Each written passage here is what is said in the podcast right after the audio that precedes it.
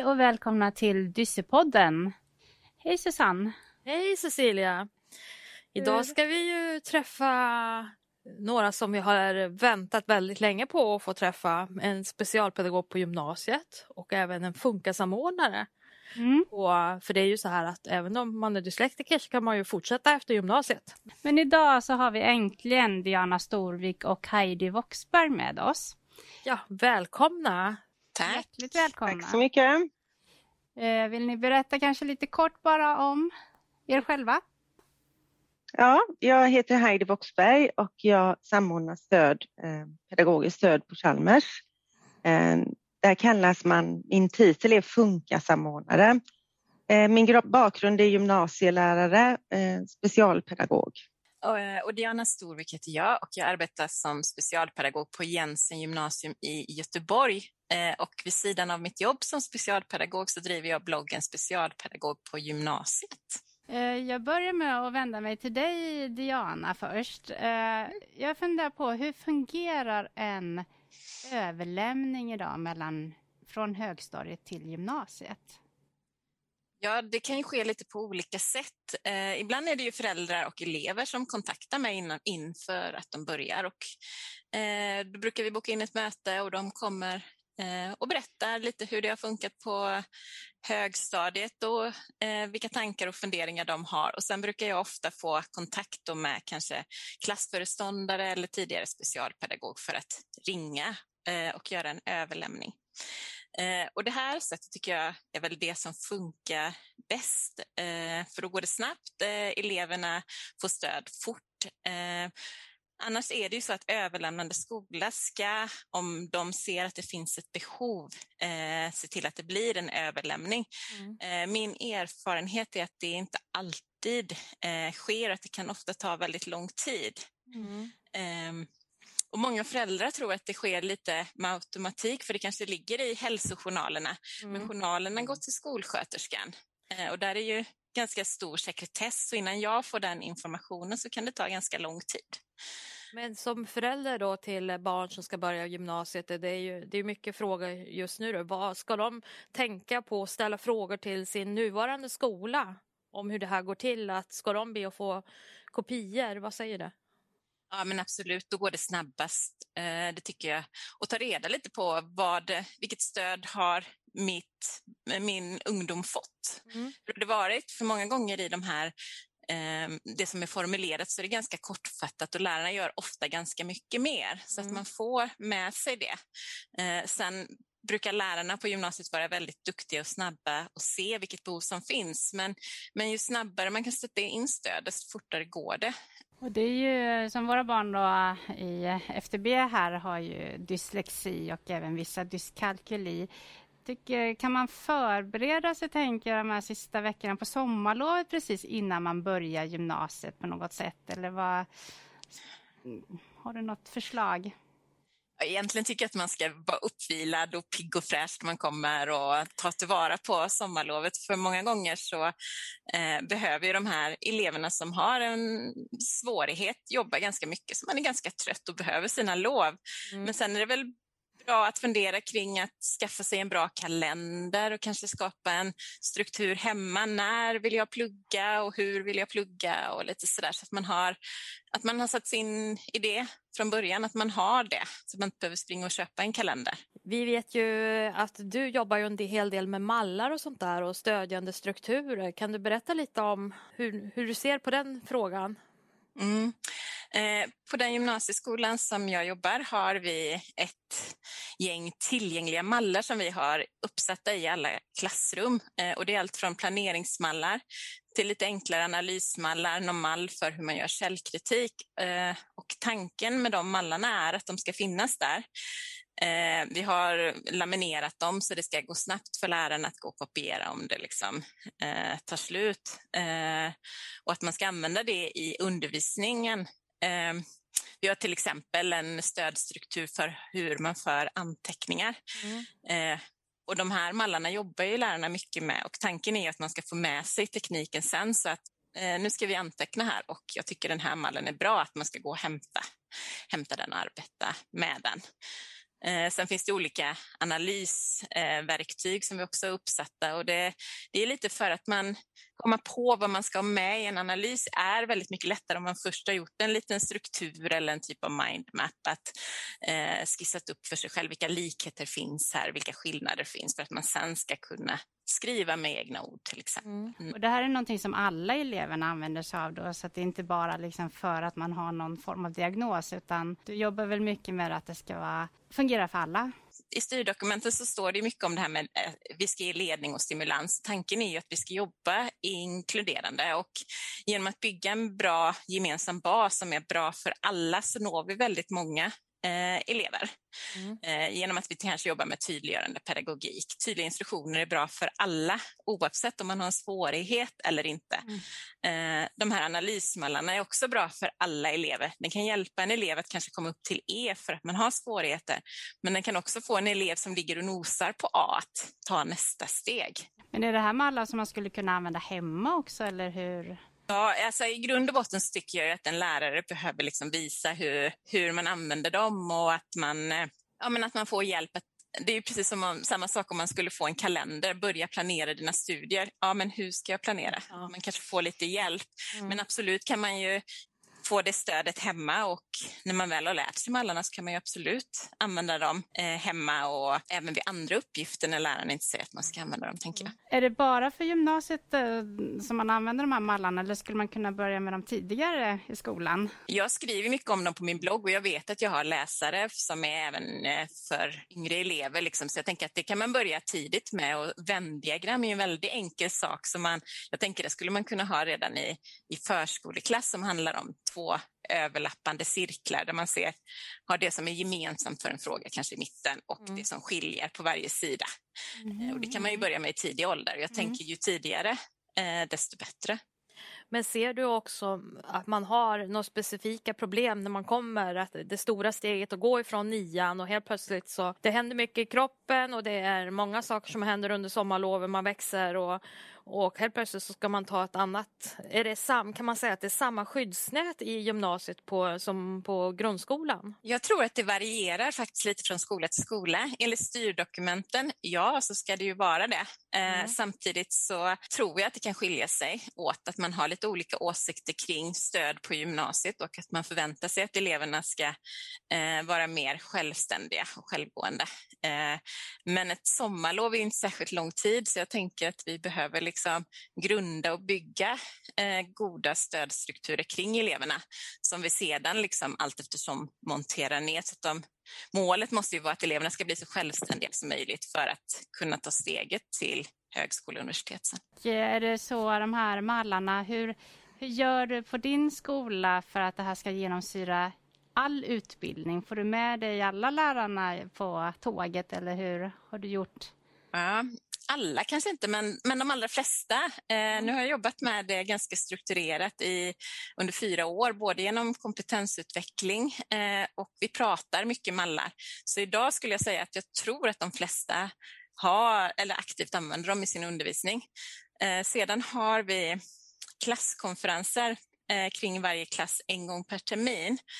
Eh, och det är inte de här typiska klasskonferenserna man kanske bara sitter och rabblar F-varningar och problem, utan det är en klasskonferens som är fokus på eh, gruppen, där vi tittar på vilka friskfaktorer har vi i gruppen, eh, vilka utmaningar ser vi och att vi tillsammans planerar hur vi ska jobba mm. med den här gruppen. Eh, och då, brukar, då formulerar vi en gemensam handlingsplan, liksom ett så basutbud. Mm. Och då kan vi bestämma att nu den här perioden, vi känner att våra ettor behöver bli duktigare på att anteckna. Mm. Eh, och då jobbar alla lärarna ganska aktivt med just anteckningsmallen under en period för att de ska få lära sig den och för att de ska få prova olika ämnen. Vi har ju levt en tid av att många gymnasieelever har suttit hemma. Har det här fungerat även, hur har du upplevt att det har fungerat för barn med dyslexi eller andra eller vanliga barn eller ungdomar att studera hemifrån? Har man använt mallar och det blir ju ett annat tänk när man inte är fysiskt eh, närvarande med varandra såklart. Och under fjärrstudierna tror jag att det har blivit än mer viktigare med det här med tydlighet och en tydlig struktur och tydliga instruktioner.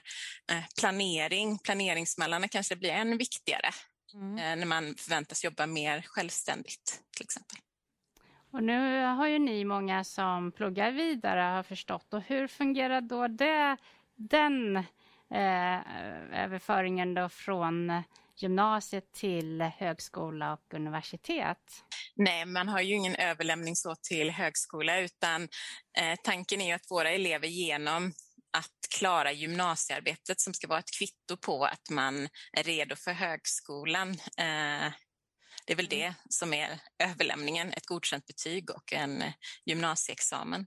Jag kan ju tillägga där att eh, högskolorna har ju ingen uppsökande verksamhet alls utan det är oerhört viktigt att eh, eleven och, och, ibland är ju också föräldrarna med och ser över vad det finns för stöd och kontaktar Funka mm. eh, verksamheten. Eh, att man bokar en tid kanske eller skriver ett mejl till att börja med innan man har blivit antagen till högskolan. Heter de, eh. får jag fråga, heter alla sådana här samordnare Funka-samordnare? Ja, det var en jättebra fråga för att det hade jag faktiskt tänkt att lyfta. För jag tänker när man kommer till en högskola så är det ju viktigt att veta vad man ska söka. Eh, Funka-samordnare heter det på Chalmers men det kan också heta samordnare av pedagogiskt stöd. Mm. Eh, men jag tänker när man kommer in på högskolans sida så sök pedagogiskt stöd eller Funka för det är något av det så kommer man rätt. Då kan vi ta upp en fråga som kommer upp väldigt, väldigt ofta i våra forum och det är ju om man har en diagnos sen tidigare, till exempel dyslexi-diagnos, måste man skaffa sig en ny diagnos för högskola och universitet? Nej, absolut inte. Eh, utan man gör en ansökan i NICE, det är ett nationellt administrativt system som de flesta, jag tror alla lärosäten är anslutna till det idag. Eh, och där laddar man upp ett eh, intyg som visar på en varaktig funktionsnedsättning, det är begrepp vi använder. Mm. Och då kan man ladda upp en dyslexiutredning som är gjord i femte, sjätte klass därför att dyslexi är ju ingenting som växer bort. Nej. Man kan ju lära sig strategier för att hantera det, men den finns ju kvar. Och de som inte har någon eh, diagnos sedan tidigare, behöver man då skaffa sig en diagnos för att få din hjälp? Där, jag har ju hamnat där, eh, därför att på gymnasiet, jag och Diana har diskuterat det här många gånger, på gymnasiet så får man ju anpassningar eh, och särskilt stöd, tror jag det heter, eh, oavsett eh, när, om man behöver hjälp. Men sen när man kommer till eh, högskolan då kan man komma och så eh, har man ingenting som bekräftar att man har ett behov av stöd och då, fin- då kan vi ge tillfälligt stöd. Det, på Chalmers ger vi sex månader tillfälligt stöd så man har en möjlighet mm eh, ordna fram någon form av utredning. Det kan ju också vara att man har psykisk ohälsa eller det kan vara att man gör en, en autismutredning så att det är ju inte bara dyslexi men eh, att man ska kunna få tillfälligt stöd är ju oerhört viktigt och det kan man få. Mm. Mm. När det gäller gymnasiet så är det ju behovet som styr och vi behöver ju mm. inte, vi, mm. vi utgår inte från diagnos utan ser vi att en elev riskerar att inte nå målen så sätter vi in stöd och särskilt stöd är ju efter en pedagogisk utredning. Då. Mm. Heidi, hur gör du, eh, går du tillväga när du gör en läs och skrivutredning utifrån norm, normerande text, tester? Ja, vi gör ju inga utredningar alls. Jag tror att det kanske finns några få lärosäten som eh, gör utredningar. Eh, studenten laddar ju upp sin utredning i NICE eh, och så bokar jag då som funkar ett möte med studenten och tillsammans så diskuterar vi fram vilka strategier eh, som studenterna har använt på gymnasiet. Och de är vuxna när de kommer till högskolan. De vet vad som fungerar och de vet vad som inte fungerar. Sen har ju vi på högskolan som ett paket med stöd som vi erbjuder. Och då kan de välja lite som ett litet smörgåsbord. Ja, men det här vill jag ha och det här vill jag inte ha. Mm. Så får man ett eh, NICE-beslut eh, med, eh, där det finns rekommendationer då och beslut om stöd.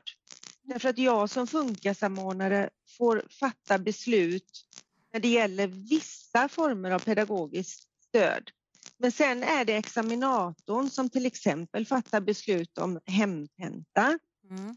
Eh, om man ska få möjlighet, vilket är väldigt, väldigt svårt, eh, få en muntlig eh, tenta. Eh, om man ska få uppdelad tenta. Jag kan fatta beslut om till exempel eh, anteckningsstöd. Mm. Då är det en kurskamrat som delar med sig anteckningar till studenten. Eh, och det är väldigt, väldigt bra och populärt stöd. Jag kan fatta beslut om mentorstöd. Det är ofta en pensionerad lärare eller en äldre student som hjälper studenten med struktur och veckoplanering en till två timmar per vecka. Jag kan fatta beslut om förlängd tid. Då får man 50 procent förlängd tid på eh, salstenta. Och jag kan också eh, fatta beslut om datorstöd på tenta. Då har vi tentadatorer och där på de datorerna då har vi alla program installerade som studenten kan behöva då, både för att få tentan uppläst men också för att få koll på stavning och så vidare. Det låter ju helt fantastiskt tycker ja. jag, de möjligheterna som man får. Eh, det gäller ju bara att orka hela vägen upp då till högskola och universitet. Eh, de här åren innan i skolan som kan ju vara de kämpiga åren. Det är ju kämpigt såklart man kommer upp på högskola och universitet också, men det låter ju som att man får väldigt fin hjälp om man behöver det. Jo, men jag var väldigt imponerad av det när jag började på högskolan, att det fanns så mycket hjälp mm. och att man liksom lämnar över ett helt paket och att det faktiskt fungerar. Jag bokar ju också tid med en IKT-pedagog på biblioteket till varje student som har eh, generella läs och skrivsvårigheter eller dyslexi och då får de träffa den här IKT-pedagogen och få hjälp med att installera alla programvaror och få hjälp att se hur de fungerar. Så att för mig är det viktigt. Det viktigaste för mig, tänker jag, och för studenten, det är att de ansöker om stöd så tidigt som möjligt. Mm. Så att man inte halkar efter. Och det vill också, jag vill också säga det att det är väldigt, väldigt många som, ansök, eh, som ansöker om stöd i studiestart i början av september. Så, så fort man har fått ett antagningsbesked så gå in i NICE eh, och gör ansökan därför att sen blir man ju kallad till möte i tur och ordning. Och det gäller, gäller att det är det första man ska göra om man vet att man har dyslexi och ja. lite så nästa steg från att ha fått ja, jag kom in, då är det att söka mm. Men... Bara återkoppla till det ni sa att vägen till universitetet ja. kan vara den svåra. Mm. Jag tror att många gånger så kan det vara lite lättare där att få stöd, men det gäller att man har utvecklat strategier så att man klarar högskola. För att göra muntliga saker kan vi ju göra väldigt mycket och det mm. gör ju lärarna hela tiden med elever. Samtidigt behöver man då lära sig hur man producerar texter för att klara fortsatta studier. Eh, så, så stödet är ju mer omfattande på i skolan, skulle jag väl säga. Mm. Ja, men där får jag faktiskt hålla med Diana. Och det är så att det är av min erfarenhet när jag träffar studenter som har fått göra muntliga prov eh, genom hela gymnasiet så får de stora svårigheter när de kommer till högskolan. Mm.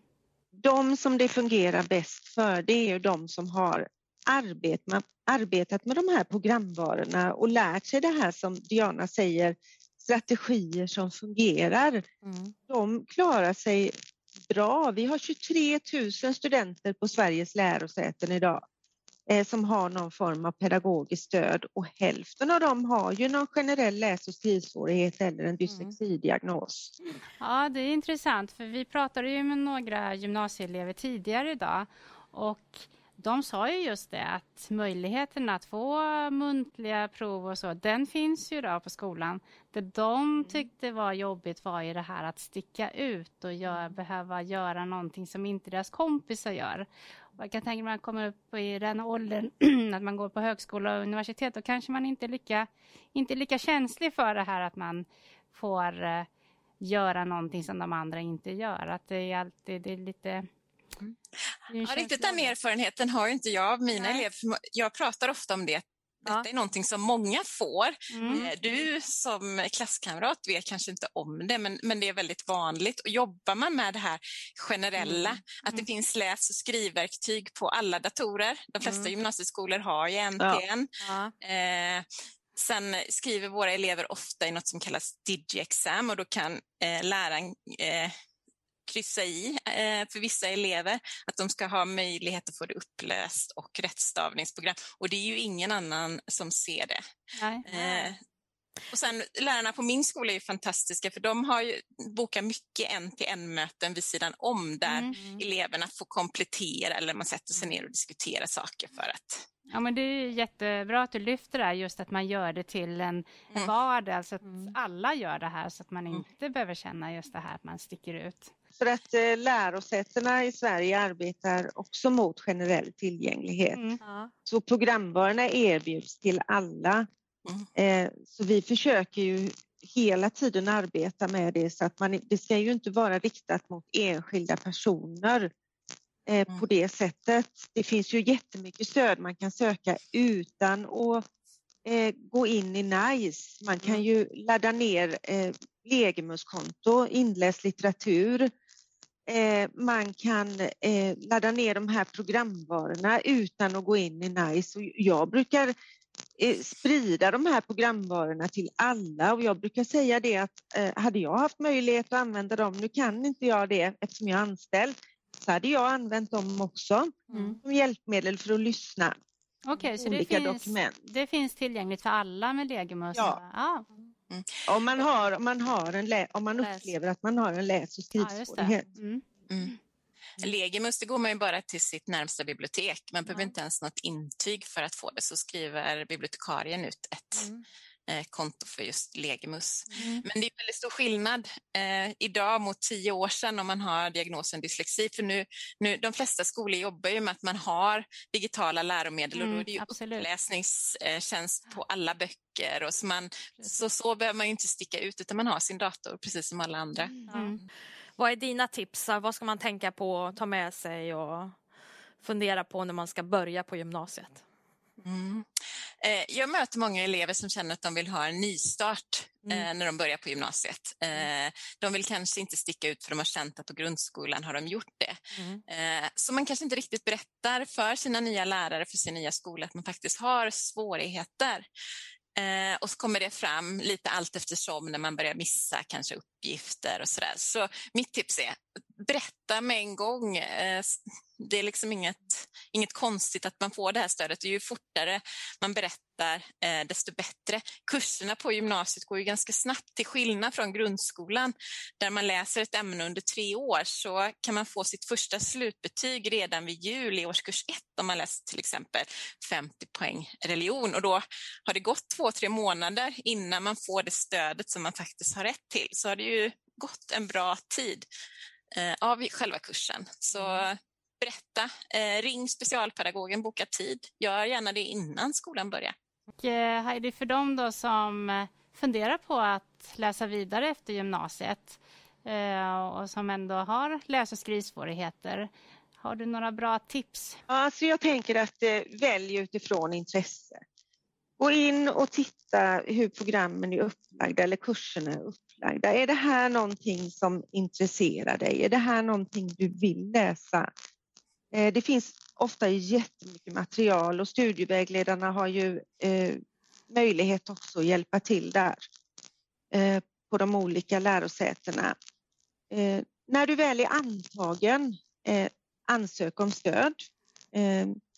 Bekanta dig med lärosätets hemsida, se var all information finns, var allt ligger och se vilka hjälpmedel du kan behöva. De flesta lärosätena har ju en sida som handlar om pedagogiskt stöd. Det var ju det vi sa i början. Mm. Eh, sök Funka eller pedagogiskt stöd och gå in och se ah, men vad finns det här. Eh, vi, vi har ungefär samma stöd på alla lärosäten i Sverige som vi erbjuder vi, vi är ju med i ett nätverk där vi samtalar med varandra och följer lagstiftningen och uppdaterar efterhand.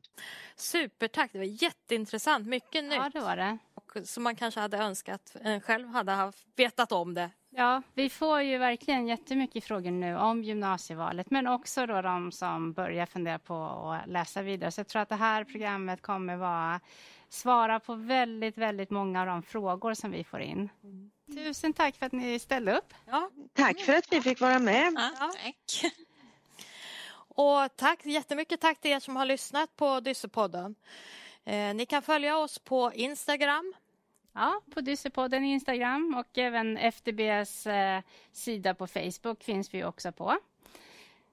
Så då får jag tacka så mycket för Susanne. Ja, Cecilia, det var jättetrevligt och ja. tack. Det... tack. Heidi och Diana. Då hoppas vi att det är fler som söker in till eh, universitetet och högskola och lyckas i både gymnasiet. Mm.